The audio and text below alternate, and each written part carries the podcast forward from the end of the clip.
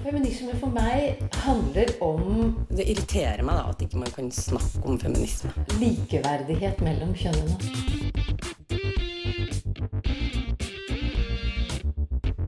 Det blikket på kvinnen på film. handlet om å bli tatt på alvor som jente. Du hører på Et eget rom på Radio Nova. Igjen har Oslo vært fullt av glitter og fargerike flagg med Pridefestival, og det må vi selvfølgelig snakke om. Vi har sett på både flaggets historie, em, på, på HiOA og UiO, som har vært med i toget for første gang. Så følg oss for mer Pride-snakk.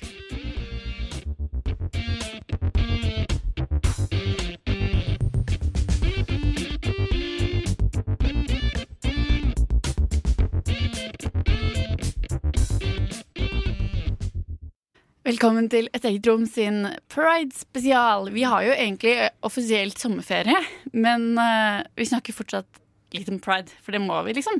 Den Ja. kommer jo alltid midt i ferien. Men allikevel, vi har fått med oss litt i år også. Det er alltid sånn at det føles ut som vi får med oss litt bruddstykker av pride, og sammen så blir det en slags helhetlig pride, kan man si det? Det blir nesten en uke Ja. når vi liksom samler oss. Etter hvert, ja, for det skjer jo så utrolig mye nå med både Pride House, som er liksom eh, en slags sånn debatt- og forelesningsrekke som de arrangerer. Og så har du liksom Pride Park, som det er liksom fest hele tiden. Og så er det Paraden, som kanskje er det store høydepunktet. Ja. Eh, og de som skal snakke om det her nå, eh, er litt av tid framover. Det er meg, Eline Hystad, Linda Therese Rosenberg og Elisa Rene Johansen Aasbø. Hallo. Går det bra med dere? Ja. Ja. Jeg, eh, jeg gikk i paraden i går eh, og var på en fest etterpå, så det går bra. Men jeg er litt trøtt.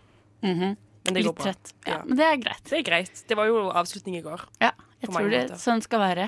Ja. Eh, Det er jo kanskje Det er jo hyggelig også hvis folk som hører på, er sånn litt trøtte. Ja. Og, litt sånn, og litt triste for at pride er ferdig, men så kan vi gi et slags sånn siste uh, Jeg pride-løft. Sånn, ja. Ja. Jeg, jeg blir alltid så overraska, så jeg tenker liksom at eh, Jeg tenker liksom at ja, ja, pride er jo pride. Men så syns jeg det er så sykt gøy, da. Å Mm. se på og få med meg ting også. Og det skjer så mye bra. Utrolig Altså, mye bra. hvert år så har de så mange bra foredrag og artister som spiller, og det er så mye Ja, man blir så inspirert underveis. Mm. Jeg syns også at det var skikkelig fint i år med denne her eh, kampanjen til FRI. Har dere fått med dere den? Mm. Den har jo gått eh, overalt på sosiale medier, har ikke det? Ja. Jo. FRI, som altså er eh, Foreningen for kjønns- og seksualitetsmangfold. Mm. Mm. Um, de hadde en eh, kampanje som handla om å gå for de som ikke kunne gå, basically. Den het vel eh, Slagordet tror jeg var eh, hver, eh, hver grunn for å ikke gå er en grunn for å delta. Eller det noe var sånt. noe sånt da. Ja. Jeg syns det var kjempefint. Og jeg tenker også at det er fint fordi Jeg merker kanskje selv at jeg tenker litt sånn Ja, men det er jo kanskje ikke helt min kamp kampsak. Kanskje det er noen andre sin kampsak. Mm. At man blir litt sånn Er det, er det min plass uh, å gå der i paraden? Mm. Men så blir det jo det. Ja. Og jeg tenker òg litt sånn uh, Jeg har liksom alltid vært i en del eh, snakk med, med folk som, som, som sier at at, eh, at de tenker at åh, de syns pride er litt for mye, mye glitter og for mye rare ting og for mye sånn der på, på, på, på, på. Og da tenker jeg òg at det òg kan være argument i det, da. Altså, jeg kan godt forstå hvis folk ikke føler seg komfortable, men altså, hvis de, er, altså, de føler ikke at det er helt deres greie. Men det er jo fortsatt, da er det jo enda viktigere å gå for å vise at det er ikke bare folk som er glitter og uh, er som er bare- homofile eller Det er ikke bare stereotypien. Altså, det er ikke alle ikke homofile som er bare i glitter og rosa heller. Nei, og da er det viktig at de som ikke er det, går, for å vise òg at Ja, for nettopp det du sa.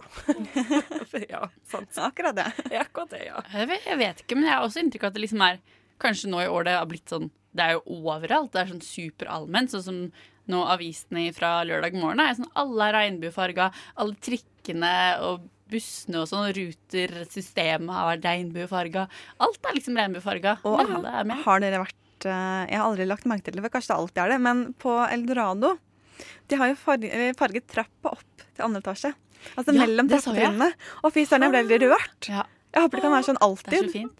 Oi. Det er jo, det er jo veldig sånn symbolsk, da, men samtidig så er det så fint. Det er vanskelig å øh, eh, skjønne. Ja. Men vi skal jo se litt på både historien, for det er jo mye historie bak Pride. Mye hard historie, men også se litt på dette her regnbueflagget. Og snakke mer om paraden etter hvert. Men eh, kanskje vi skal åpne med en låt? Mm. For eksempel Great News og Secrets.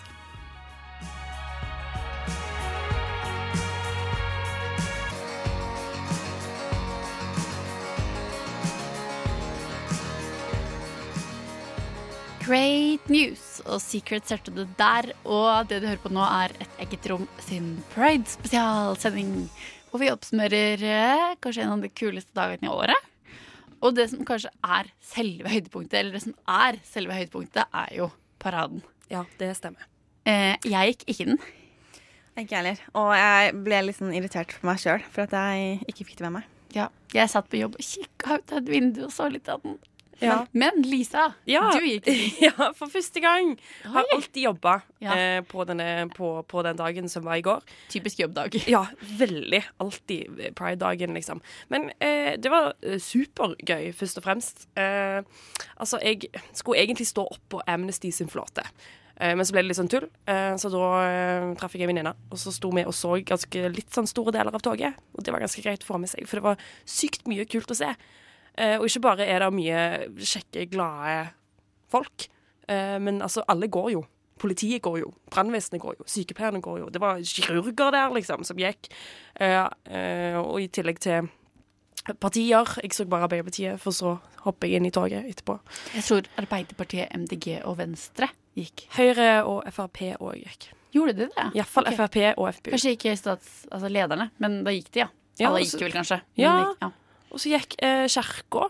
Eh, Ja. Og så gikk, var det òg sånne, sånne småorganisasjoner som kom innimellom, som var sånn der Menn som liker menn, men som også liker å gå på fjelltur. Så gikk de med sånn sekker og ski og sånn. De var bare sånn åtte stykker. Men det var veldig koselig. Så var det òg et utdrikningslag. Eh, de òg var veldig hyggelige. Og så var det òg Hva var det da? Det, det var Det sto en plakat over at det var Jeg tror det var Eivind og Patrick gifta seg for de som ikke kan. ja, det var nydelig. Altså. Ja. Eh, det var utrolig mye, mye forskjellig, utrolig mye fint. Og så var det òg sånn internasjonal Jeg husker ikke helt hva den eh, på en måte delen av toget heter, men sånn internasjonal en eller annen form for organisasjon som, som er litt mer som favner flere nasjonaliteter i Norge, tror jeg, på dette her med Skeiv verden, kanskje? ja, Skeiv verden var det, ja. ja. Og det var jo helt sykt mye liv når den kom. Altså, Det var jo bare sånn masse forskjellige flagg, og det var liksom sånn helt syke rytmer, og folk gikk liksom i nasjonaldrakt, eller sånn festdrakter, virker det som. Det var helt, det var helt sykt. Det var supergøy. Men det var veldig kjekt å gå i paraden òg. Det er jo helt, en, det er jo en helt syk stemning i det toget. Virkelig, virkelig veldig gøy. Mange som ser på òg. Jeg syns pride alltid har fremstått nesten som 8. mars på den måten at man vet nesten helt hvor man skal gå. Sånn, hvem skal man gå sammen med? For det er så innmari mange som man har lyst til å vise sin støtte sammen med. Ja. Altså, mye av det er jo ganske likt òg. Tenker. Jeg tenker Så lenge du ikke velger Telia, liksom, for de òg gikk jo. altså, sant? Kanskje ikke første pri. Nei. Nei, ikke sant. Men altså, du kan jo gå bak hvor som helst. Amnesty var den som hadde flest, tror jeg. Ja. Åpenbart, for det er jo noe som alle kan stille seg bak, på en måte. Jeg så, jeg vet ikke helt om det her stemmer, men jeg så noe raskt i dag morges om at det var sånn ny rekord også. At det var 40 000 Som gikk. som hadde gått. Ja, altså, det, var, det var Det var sykt mange. mange. Det var sinnssykt mange. Eh, Jeg fikk ikke sett de der eh, bamsene og Oslo Fagottkor og sånn.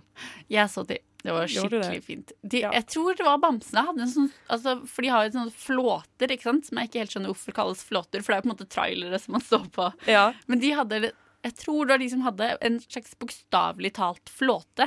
Og så hadde de sånne årer med hjerter. Um, som de på en måte rodde. Og så hadde de en ekstremt tight koreografi med de hjertepinnene. Det var sykt kult. Jeg skulle ønske jeg klarte å formidle det så kult det var, men det klarer jeg ikke. Det hørtes kjempe... Og fagottkoret også. Kjempekult, Ja. som alltid. De er jo superteite og flinke. Sånn, ja. Ja. Superfine. Ja. Ja. Nei, men ellers var det bare, som sagt, bare sykt god stemning. Og så er det sånn, når du står og ser på det først, sant, så, så er det sånn, holder du på å grine sånn fem ganger, tårene bare presser, på det sånn, åh, å nei, det er så fint.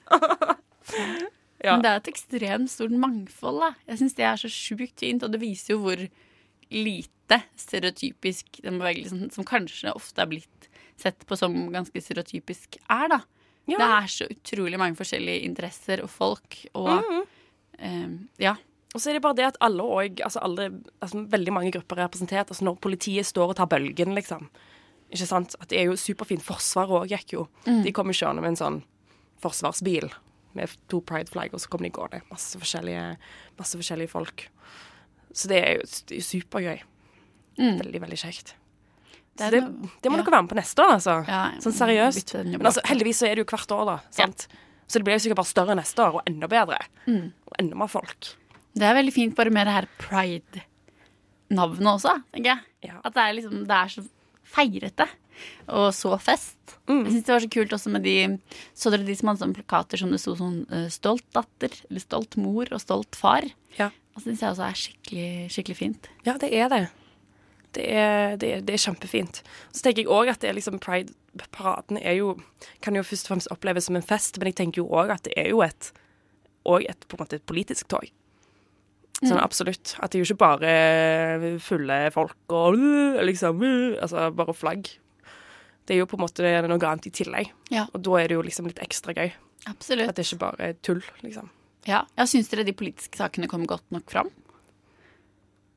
Mm, Det altså, var et godt spørsmål. Ja, altså det var ikke så mye sånne paroler, syns jeg.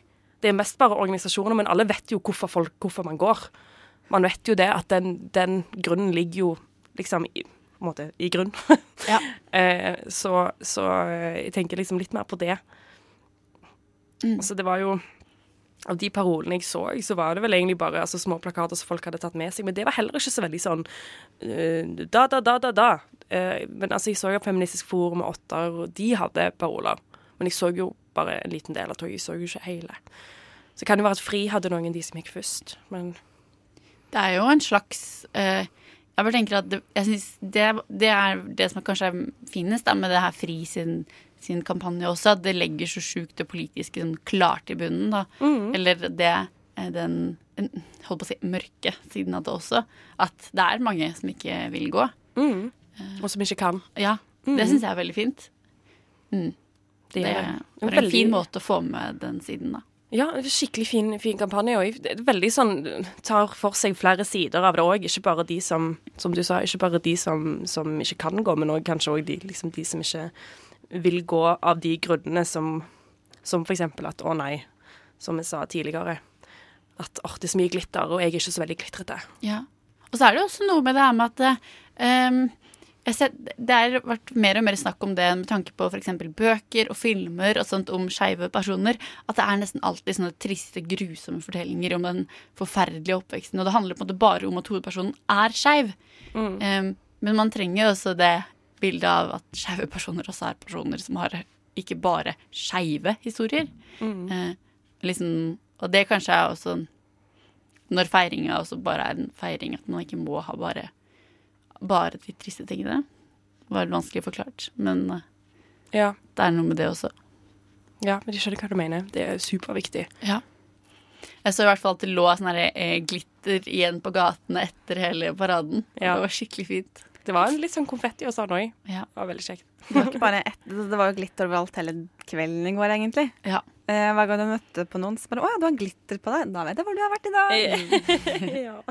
Man får jo eh, litt inntrykk av at it's all good, eh, og det er jo kanskje litt bra. Um, og vi skal høre nå It's All Good med Super Organism. Du hører på Et eget rom.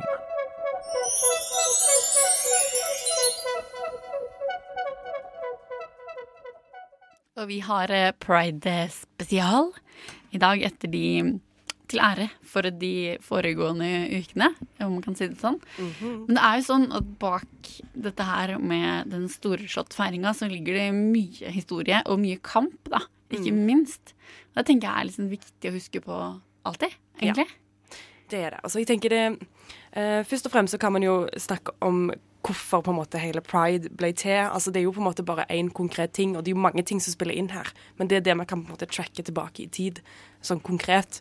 Eh, og det er jo Da pleier man jo å regne New York sånn på eh, slutten av 60-tallet. Um, for da var det jo mye Det var jo eh, homseklubber, eller skeive klubber, i New York på den tiden. Men det var jo ikke noe som eh, politiet eller folk flest likte. Så de holdt seg jo veldig i skjul.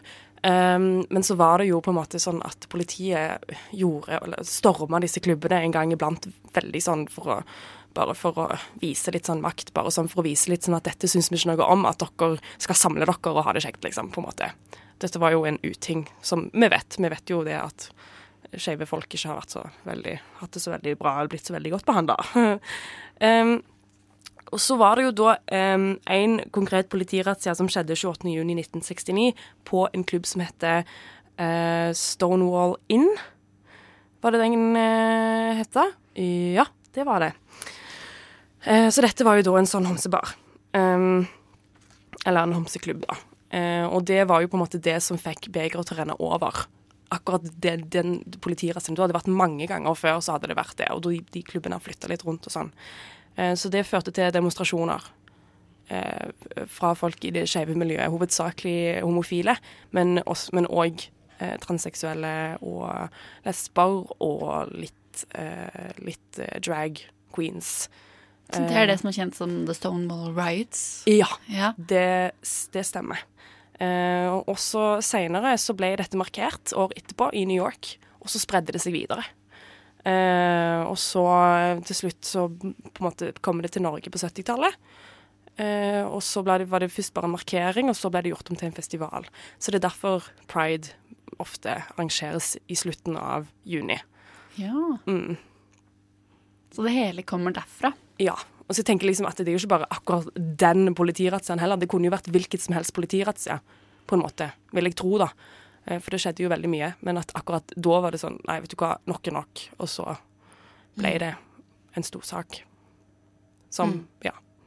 Mm. Som fremdeles uh, er en stor sak. Mm, ikke sant? Ja, det er det også, liksom. Jeg bare tenkte på nå at man uh, man markerer jo på en måte bare mer og mer etterpå. Så liksom det er det, eller Orlando fra i fjor, eller alle de som fortsatt eh, kanskje til og med drepes for lenge ja. si osv. Liksom, det blir jo en stor pakke. Ja, det. De skulle jo ha pride-parade i var det vel Istanbul, jeg tror det var i Tyrkia. Og som ikke ble så godt tatt imot. Man mente det at de fikk ikke lov fordi at eh, folk kunne komme til skade. Og så vet man ikke helt om hva motivet bak at det ikke var lov, egentlig er. Og de prøvde å gjennomføre det selv om de møtte protester. Så det sier jo noe om at det er fremdeles viktig å ha disse festivalene til støtte for de delene av verden hvor det ikke er lov, da, eller hvor de møter såpass mye motstand. Absolutt. Det er superviktig. Uh, altså, jeg har lest litt rundt på sånne teite apper som jeg har på telefonen min, som jeg ikke egentlig trenger å ha, men som jeg har fordi jeg syns det er kjekt å holde på med. Og det er det sånne folk som skriver at de ikke bryr seg og sånne ting som det. At de liksom er sånn der det, men altså, jeg kan, jeg kan jo forstå det på en måte, at man liksom ikke nødvendigvis kommer på at å ja, bare fordi at vi har det bra her, så betyr jo ikke det at alle andre har det bra. Verden er jo veldig stor. Ja. Og vi sitter jo her oppe i Norge og kan gå med 40 000 i, et, i, et, i en Pride-parade, men, men, de kan jo ikke det i Istanbul, sant, for eksempel. Eller andre steder. Eller andre steder, ja. du, kan, du, drepes jo hvis du henges ut som homofil. Nettopp. Og da, da er det jo Det er superviktig. Og det er fortsatt superaktuelt. Det er så viktig at man går. Ja. Med mindre man er på jobb da, eller har andre ting som dere gjorde. ja, men, men altså, det, men en annen ting også, som er liksom en veldig stor del av pride, eh, det ser man jo overalt nå, som vi allerede snakka om på busser og trikker og alt mulig, det er jo det her regnbueflagget. Mm. Som nesten er en regnbue, i hvert fall. Jeg kom på eh, fredag kveld at det var et eller annet med dette regnbueflagget som dukket opp i nyhetsfeeden min på Facebook tidligere i år. Eh, og det var ikke så veldig vanskelig å finne ut hva det var for noe, fordi at eh, For det første så er det nesten jubileum for det flagget. Det skjer neste år. Mm. Men mannen bak flagget, eh, han skal vi høre litt om eh, akkurat nå. Hvis jeg begynner å snakke om en rosa trekant, så vil det kanskje ikke si deg så veldig mye. Og det er kanskje ikke så rart, men vi skal ikke lenger tilbake enn til 1978.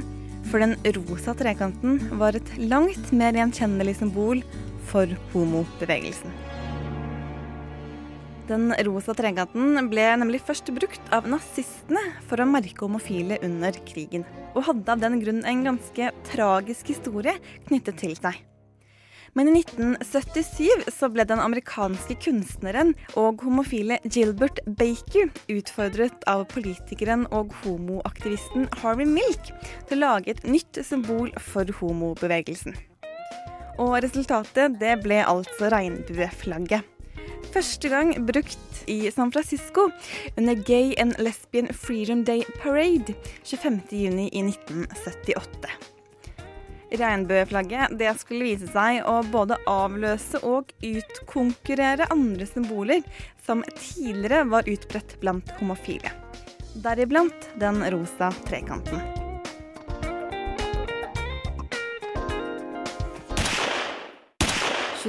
november i 1978 så blir Milk drept, og ble etter det stående som en av martyrene for homobevegelsen i USA.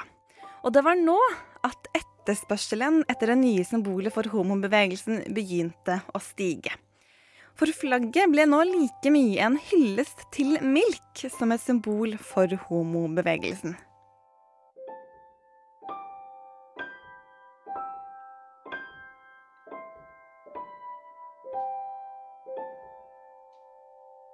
Noe som du kanskje ikke visste, det er at det opprinnelige regnbueflagget hadde striper i åtte forskjellige farger, hvor alle hadde hver sin betydning. Rosa sto for seksualitet, rødt for liv, oransje for sunnhet og helbredelse, gult for sollys, grant for natur, turkis for magi og kunst, blått for harmoni og lilla for sjelen.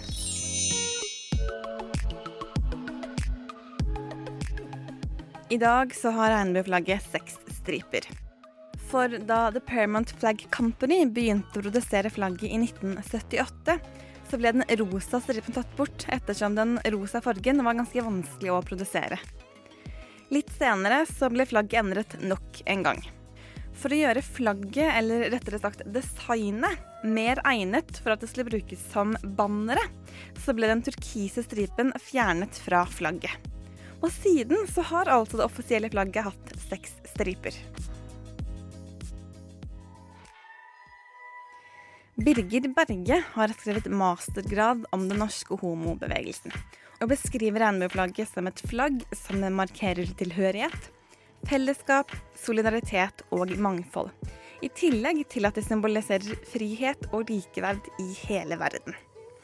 Men det viktigste er kanskje at det symboliserer at kjærlighet er et naturlig fenomen, akkurat som regnbuen. For som Baker selv skal ha uttalt, det er et naturlig flagg. Det kommer jo fra himmelen.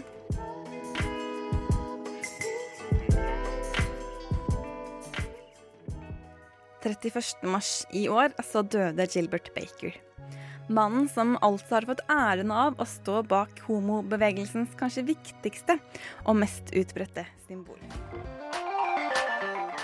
På det som ville vært Bakers 66-årsdag, så ble han derfor feiret av Google, som brukte den dagens doodle til å hylle kunstneren og det han har betydd for homobevegelsen i hele verden.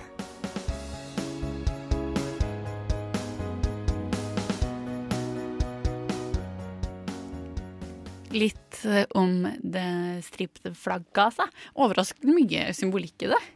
Veldig mye symbolikk. Jeg visste ikke at det, hver farge hadde en betydning i det hele tatt. Jeg bare tenkte litt sånn Ja, mange farger og ja. Og litt naiv med meg, da hadde jeg aldri tenkt over at uh, flagg i seg selv At det egentlig bare sier at også det at man kan elske en av samme kjønn, er helt naturlig. Mm. At det er egentlig mye av grunnbetydningen. Mm. Det som jeg synes er interessant, eller det som jeg ikke visste før sånn i år, var at uh, det er ikke bare regnbueflagg, men det finnes jo masse flagg under der igjen. Ja, det finnes sykt mange flere flagg. Ja, altså det, jeg så veldig mye transflagg ja. i paraden. Og så så jeg et biflagg. Og så har jeg ei venninne som jeg var på fest med på kvelden, som er lesbisk. Eller hun, nei, hun er bi. Uh, først, altså hun er bi. Uh, og hun syns at det var sånn det var skikkelig, skikkelig kjipt, for hun kjenner veldig på den med at Eh, kjempefint at trans har kommet veldig langt, eller forholdsvis langt med at det er så mye transflagg, men eh, at hun merka veldig på den med det hvorfor det ikke er så mye bi. At bi fortsatt blir sett litt ned på. At det fortsatt er noe som er ikke så veldig Ja, de er ikke så veldig blir ikke så godt mottatt ennå. Eh, så det er jo litt dumt. Da er man bi-flagg også? Hæ? Ja, ja for da hadde, har man jo også disse biflaggene. Ja. Ja. Man har panflagg, og man har vel Ok. a- a- aseksuell flagg. Ja. Det finnes, og så har man eget lesbeflagg, eget homoflagg, eh, masse forskjellig. Masse Men- flagg. Men dette med flagg Altså, flagg føles ut som alltid skaper litt politisk debatt. Ja. Eh, og det har jo vært litt problemer med dette flagget her i år også. Ja, Østfold har blitt litt rammet eh, siste dagene av en eller annen grunn. Det startet jo tidligere i juni, fordi eh, eh, i Ørje, en kommune i Østfold, så ville de flagge hele juni. Og det fikk de ikke helt til, men, men noen dager før den 19., for det var mandag, så noen dager før, sikkert rett før helgen, da, så hang de opp endelig disse regnbueflaggene overalt. Og opplevde at de gikk noen og klippet dem ned i løpet av da natt til mandag 19. juni. Eh, og på noen så var det da hengt opp klistremerker fra denne nazistiske orga- organisasjonen Den nordiske motstandsbevegelsen. Det er hardt, ass. Ja. Det er ganske dritt, for å si Ja, det, det er på en å- helt ærlig måte. Det er vanskelig å si noe om det, nesten. Ja. Og så klarer da, eh, det var vel denne uken, tror jeg, eh, han som er ordfører i Hobøl kommune, som også er Østfold, da sier de at eh, nei, han syns det var gammeldags å flagge med regnbueflagg. At vi burde ha kommet lenger nå eh, i 2017. Mm. Eh, dessuten så kunne det være noen som følte at det var mer stigmatiserende enn en feiring, og man måtte som politiker overført ta hensyn til alle grupper i samfunnet. Men hvor lenge er det man har flagga med regnbueflagg nå? Ti år? Liksom? Eh, Det er ikke så mange år, i hvert fall. Man har hengt Nei. opp sånn fra kommunebygg og på alle kommunen eller Så da er det gammeldags, hvis man har holdt på i åtte år, liksom? Han mente jo da at etter 20 år så burde man kommet lenger, men, oh, ja. men det flagget symboliserer, er jo mye en feiring. Ja. Denne muligheten til å være seg selv og bli tatt på alvor som den man er. Eh, og jeg forstår ikke at noen føler at det er stigmatiserende. Det er jo en sånn hyllest, egentlig, hele det flagget.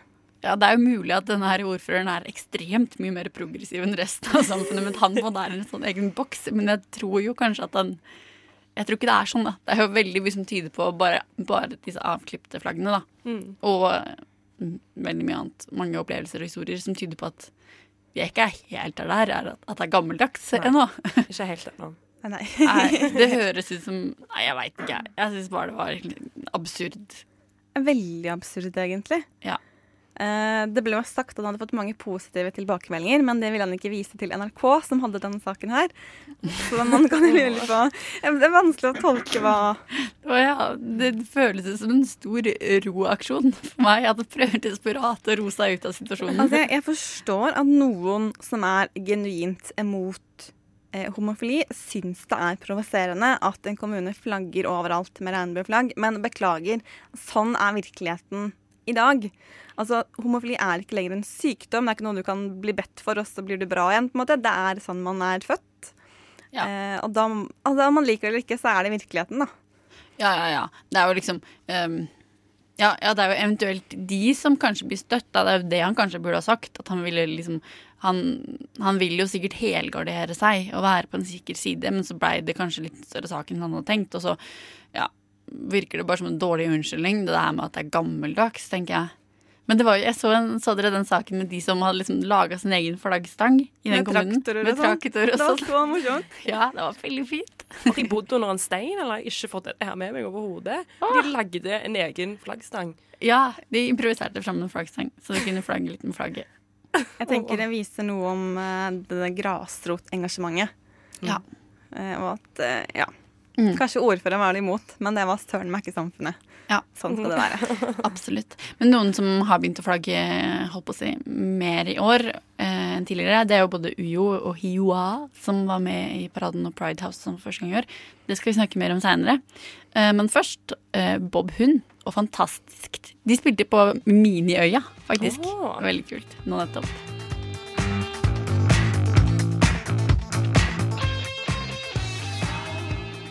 De superkule svenskene fra Bob Hund med Fantastisk.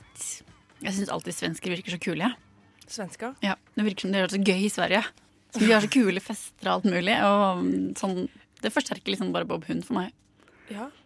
Eh, ja. Men vi snakker ikke om svensker eh, nå, for vi snakker om pride, og kanskje da spesielt Pride Norge. Og nå har vi kanskje kommet over en litt sånn seksjon av sendinga, og vi skal snakke litt om det her som heter Pride House, som er Pride sin egne debattserie om skeiv kultur, egentlig. Eh, utrolig mye interessante innlegg, og da er det veldig ofte forskjellige institusjoner, kan man si, som uh, står bak debatter eller foredrag og sånne ting. Og for første gang i år så deltok Universitetet i Oslo og Høgskolen i Oslo og Akershus faktisk på dette her. em, på Pride House med et faglig innlegg. Og det tenker jeg er sånn aktuelt for oss, da, som er eh, studenter og sånn. Um, uh, fordi det de så på, da, det var hvordan det lå an med skeive perspektiver i uh, norsk høyere utdanning. Spennende. Mm. Uh, Åse Røting fra HiOA og Elisabeth Engebretsen fra Senter for tverrfaglig kjønnsforskning på UiO.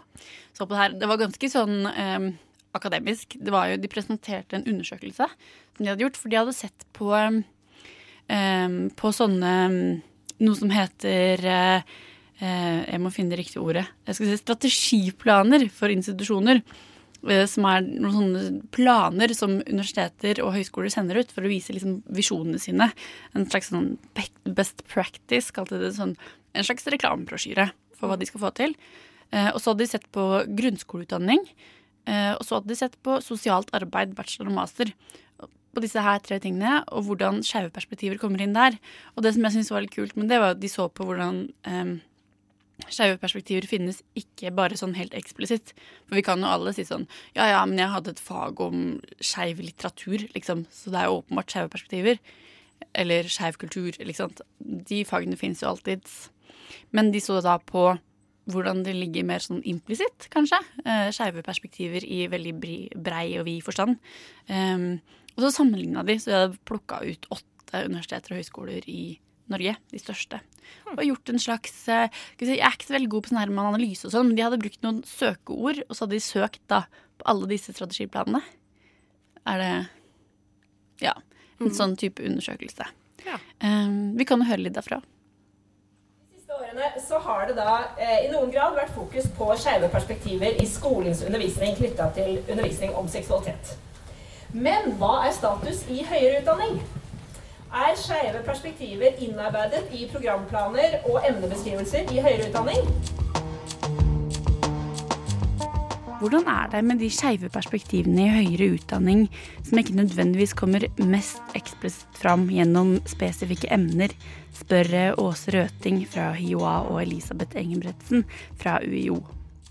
Med en brei forståelse av skeive perspektiver, som også inkluderer maktperspektiver, så har de gått inn og sett på noe som gjennomsnittsmennesket kanskje ikke ser på sånn altfor ofte, nemlig strategiplaner hos Norges åtte største høyskoler og universiteter.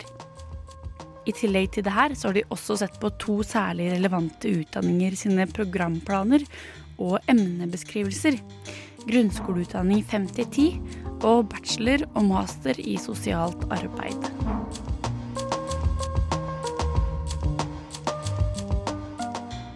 Engebretsen og Røting har brukt aktuelle søkeord, og så har de sett på hvilke måter disse ordene er tilstedeværende i både strategiplanene for institusjonene og de relevante utdanningene sine programplaner og emnebeskrivelser. Makt, kjønn, seksualitet, LHBT, likestilling, mangfold, minoritet, normkritikk, interseksjonalitet, kritisk og kritikk. Det er med slash der. Eh, rasisme, fordommer, diskriminering, identitet. Og så har vi så vidt også sett litt på sosial klasse, sosial ulikhet, men det kom inn litt sånn i siste runde, så den eh, kartleggingen er ikke like fullstendig som de andre.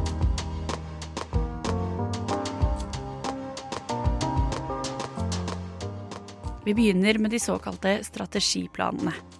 For det er nemlig sånn at alle universiteter og høyskoler lager sånne korte og informative dokumenter der de skriver om visjoner og målsettinger innenfor en ganske kort periode, som f.eks. tre eller fem eller ti år. Er det noen skeive perspektiver her? Så jeg kan si er at Det er to generelle tendenser som kommer frem når vi ser på de planene. Det ene er at eh, vi finner mange funn på mangfold, eller variasjoner av søkeordet mangfold. Mangfoldig, mangfolds et eller annet, eller mangfold. Og vi finner også mange funn på kritisk, eller kritikk. Elisabeth Engbretsen forteller altså at mangfold og kritikk er de største funnene i strategiplanene. Og mangfoldsbegrepet spesielt, det får en fremtredende rolle. Men man kan også stille spørsmålet ved hva betyr dette egentlig? I tillegg så får kritikk, eh, kritisk distanse og kritisk refleksjon også mye plass. Men igjen, hva betyr det her?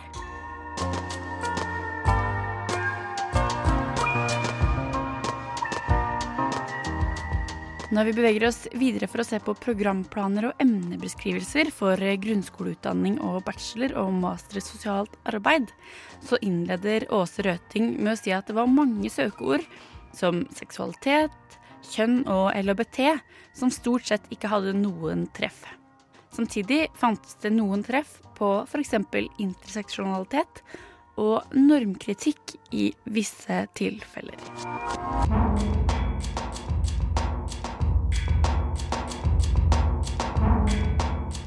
Vi har jo ingen bastante konklusjoner som sådan, men vi har hvis du trykker på den siste der, så er det kanskje tre ting vi kan på en måte ta med oss og, og tenke videre på. da.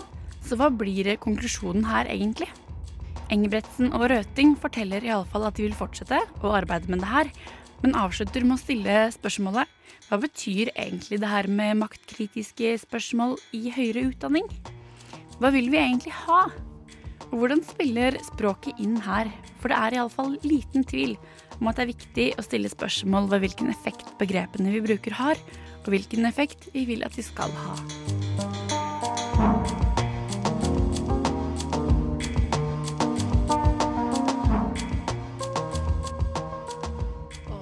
Åse Røting fra Høgskolen i Oslo og Akershus og Elisabeth Engebretsen fra Universitetet i Oslo hørte du der, altså, som presenterte noen av sine funn om det her med skeive perspektiver i høyere utdanning. Eh, kanskje litt sånn akademisk oppvåkning i sommerferien for de som trodde det var eh, ferdig. Vi skal fortsette å besøke eh, Pride House litt. Men først så skal du få litt eh, disco, tror jeg det er, fra Frank Moody. Into Deep. feminist, a person who believes in the social, political, and economic equality of the sexes. Eget rom. Et eget rom. Et eget rom. Et eget rom. Et eget rom. Vi feirer pride i dag, Linda, Lisa og Eline. Og vi har vært litt inne på det her Pride House allerede, med noe som Hiwa og Jo eh, var med på. Men en annen ting som var skikkelig spennende, syns jeg, som virkelig eh, jeg hadde lyst til å få med meg, det var det her arrangementet om homonasjonalisme. Ja, på torsdag homonasjonalisme, altså rosa kapital, makt og innflytelse. Hvor det er, eh, det er en svensk journalist som heter Anna Maria Sørenberg, som har skrevet en bok om dette fenomenet. Og hun bruker det på en måte på to måter. Eh, det ene er det hun kaller for en slags en utviklingsfortelling. Altså hvordan man ser på homofile, påvirker hvordan man prater om dem i samfunnet. Eh, og hvordan det har gått fra å være en ting som nesten var litt sånn Det var sykdom. Enten som man var syk hvis man var homofil, eller så var man homofil, og da hadde man aids, på en måte. Eh, fra sånn 80-90-tallet. Til at det har blitt et sånn symbol på at man er moderne og progressiv hvis man eh, inkluderer homofile og transpersoner og bifile og ja, alle disse menneskene. Um, og så starter hun litt med Eller hun snakker en del om Det skjedde en endring 11.9.2001. Fordi frem til da, særlig i USA, så var det litt sånn at hvis det skjedde noe eller et eller annet var liksom forkastelig, så var det homofiles skyld. Det var liksom byllepesten i samfunnet. Man kunne alltid skylde på de homofile. Men når det skjedde, så måtte man finne en ny gruppe å skylde på. Og det fikk man da med denne kampen mot terrorisme. Det var det muslimene som var den nye pesten som alltid eh, ja, alltid fikk skylden, og det har jo da spredd seg litt. Det her ser man med det høyre, ytre høyre-bevegelsene. Eh, om at man snakker ikke om raser lenger, men man snakker om kultur. Um, og det er blitt en sånn greie med at alle skal inkludere homofile, heterofile Altså alt skal inkluderes, da. Um, For det passer dårlig å sitte her og si at vi, vi er imot homofile, men vi er også imot deres konservative handlinger, liksom. At man må være så liberal. Man skal lage et skikkelig liberalt motstykke. For det er liksom, hvis man ikke Hvis man er imot, så er man liksom umoderne. Ja. Eh, så for å fremstille seg som en moderne person, eh, eller en moderne organisasjon, så må man liksom eh, støtte i gåsene, eller i hvert fall ikke være imot homofili. Men så er det også det med at det man er det til en viss grad, på en måte. Eller man sier at man er for, eller, eller at man er ikke imot, og så stopper det. Altså, Ja. jeg, jeg godtar at du er homofil, men jeg skal ikke kjempe for dine rettigheter. Eller at du ikke skal oppleve diskriminering eller mobbing eller sånne type ting. Ok, ja. eh, fordi det har en helt annen verdi, da. Eller, altså det, man, man er ikke nødvendigvis mo eller for homofili fordi at det er noe du genuint brenner for, men fordi at det passer inn i en fortelling. For eksempel ytre høyre-bevegelser. fordi da kan du si, hvis du er eh, for homofili, så kan du peke på alle de muslimske landene som er imot, og si å nei, vi kan ikke slippe inn alle homofile mennesker i landet vårt, fordi at de er imot homofile. Yeah. Eh, de vil drepe alle homofile. Eh, de er slemme, så de må vi stenge ute. Har du noen eksempler på eh, hvem som holder på med sånne ting? Um, Eller er det bare en slags sånn tendens? Nei, hun hadde ganske mange eksempler. Noe av det som ble tatt frem, var jo dette med at um, eh, Eller hun snakket en del om dette med at man ikke snakker om rase mellom kultur. Eh, og i Sverige, altså Sverigedemokraterna de er jo veldig på den ytre høyre-siden. Og de Nå husker jeg ikke om det var Stockholm eller Malmö, men en av de ytre, eller forstedene heter det på norsk. Så Mhm. skulle de for noen år siden eh, ha kulturkamp. Så de dro til en forstad med veldig høy majoritet eh, ikke-etniske svenske borgere. Med masse regnbueflagg. Og lagde liksom opptog på torget for å se Nå var det kulturkamp, liksom. Eh, nå skal vi provosere alle disse muslimene. Og så var det ingen som reagerte. For de bor jo i Sverige. Eh, det er ikke noe rart med homofile i Sverige.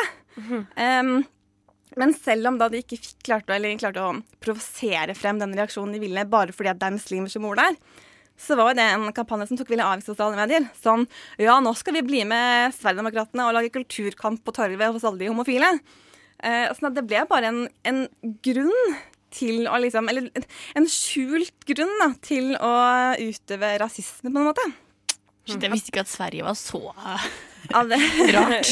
er det for noen år Det er veldig spesielt. Eh, sånn det blir, ja, dette med at det er skalkeskjul, og dette med at eh, du er ikke nødvendigvis så veldig sånn Du er ikke klar for å kjempe for homofiles rettigheter, men, men det høres fint ut å si at du er Mm. At du støtter dem likevel. Det er bare skikkelig trist da, at man bruker saken på en sånn måte. Og så ble det trukket frem at Carl I. Hagen har jo nå sagt til Klassekampen at han har innsett at uh, homofile de er født sånn. Oh, ja. Eh, og at det, kan tenkes at det er noen mennesker som opplever at det er vanskelig å være født i feil kropp.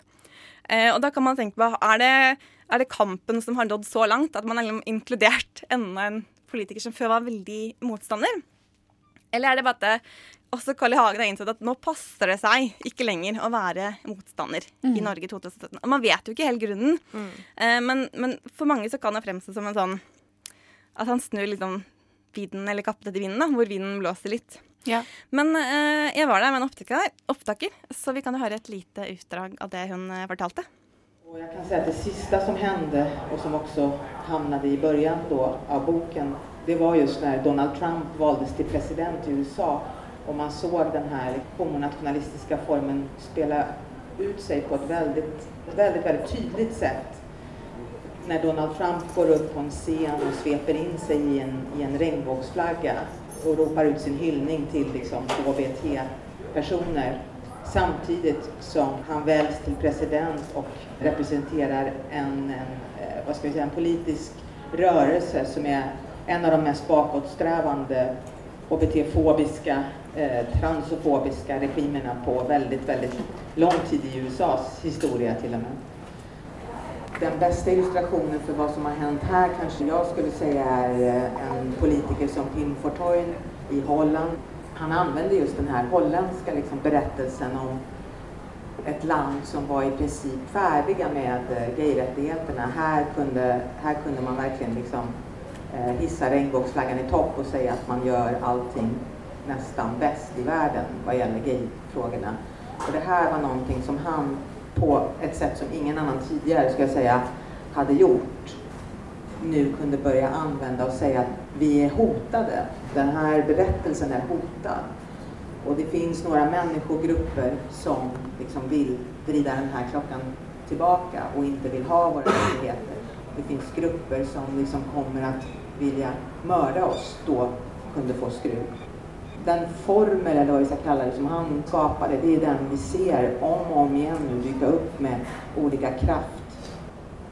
Det här med gaykulturen som en, som en sorts marknadsföringsstrategi liksom, har varit en väldigt viktig del av, av liksom hela den resa som de här frågorna har gjort. Och pengarnas betydelse för då mainstreamifieringens betydelse för gayfrågorna är extremt betydelsefulla här. Och I det kapitlet där jag tittar på hur Israel som stat har använt då, för det är det man oftast brukar förknippa med eh, pinkwashing då när Israel under 00-talet hoppade på båten och kom på att gaykulturen är en extremt effektiv liksom, grupp att använda för att sälja in modernitet och progressivitet för landet och började flyga dit gayturister från Europas alla storstäder och USA inte minst för att sen använda den gruppen i en berättelse om att man är det enda fria landet i Mellanöstern. Det är väl snarare just det här att man kan komma undan numera som, som politiker utan någon som helst erfarenhet av ett HBT-arbete eller ett, en, en queer erfarenhet går upp på en scen och bara säger helt plötsligt att det här, det här mina vänner är den bästa platsen på hela jorden att vara gay på. Och man vet att det kommer inte komma några följdfrågor därför att det är väldigt lite som, som då granskas.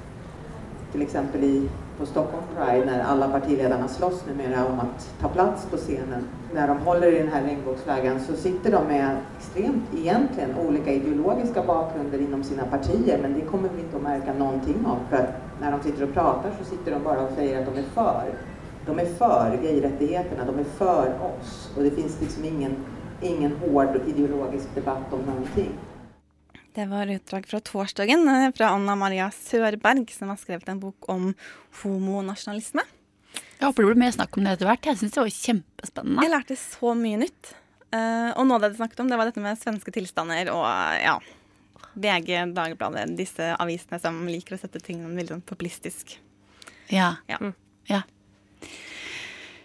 Um, skal vi høre litt musikk fra Pont? De har en låt som heter 'Outside Is The Right Side'. Jeg tenker at Det uh, høres jo skeivt ut, på en måte. Det høres ut som det er liksom perfekt uh, for uh, pride. Mm.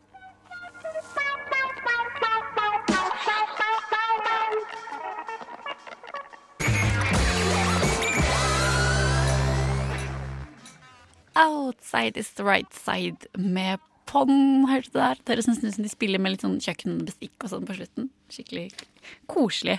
Vi nærmer oss egentlig slutten på denne her pride-feiringssendinga vår her i et eget rom. Men jeg bare tenkte litt sånn um, at det er jo helt sinnssykt mye som er verdt å feire, da. På ekte, liksom sånn bortsett fra stoltheten. Altså, det er jo utrolig mange kamper som har kommet langt. Endelig i Norge nå i det siste. Mm. For eksempel at kirka nå begynner å henge litt med. Mm. De har vært innmari til stede, faktisk. Mm. Eh, ikke bare Den norske kirken. De, jo, de har alltid sånn regnbuemesse eh, på fredag kveld. Men den svenske kirken hadde også noe sånn messe andakt et eller annet tidligere i uken. Mm. Eh, for å markedsføre, eller ikke markedsføre, men være en del av Pride-festivalen. Mm. Og så har det blitt lettere å skifte kjønn. Det er vanskelig å si eh, nå. For ikke så lenge siden. Det er jo kjempebra. Um, jeg tenker at blir, jeg er skikkelig spent på hva som skjer med det her med en tredje kjønnskategori.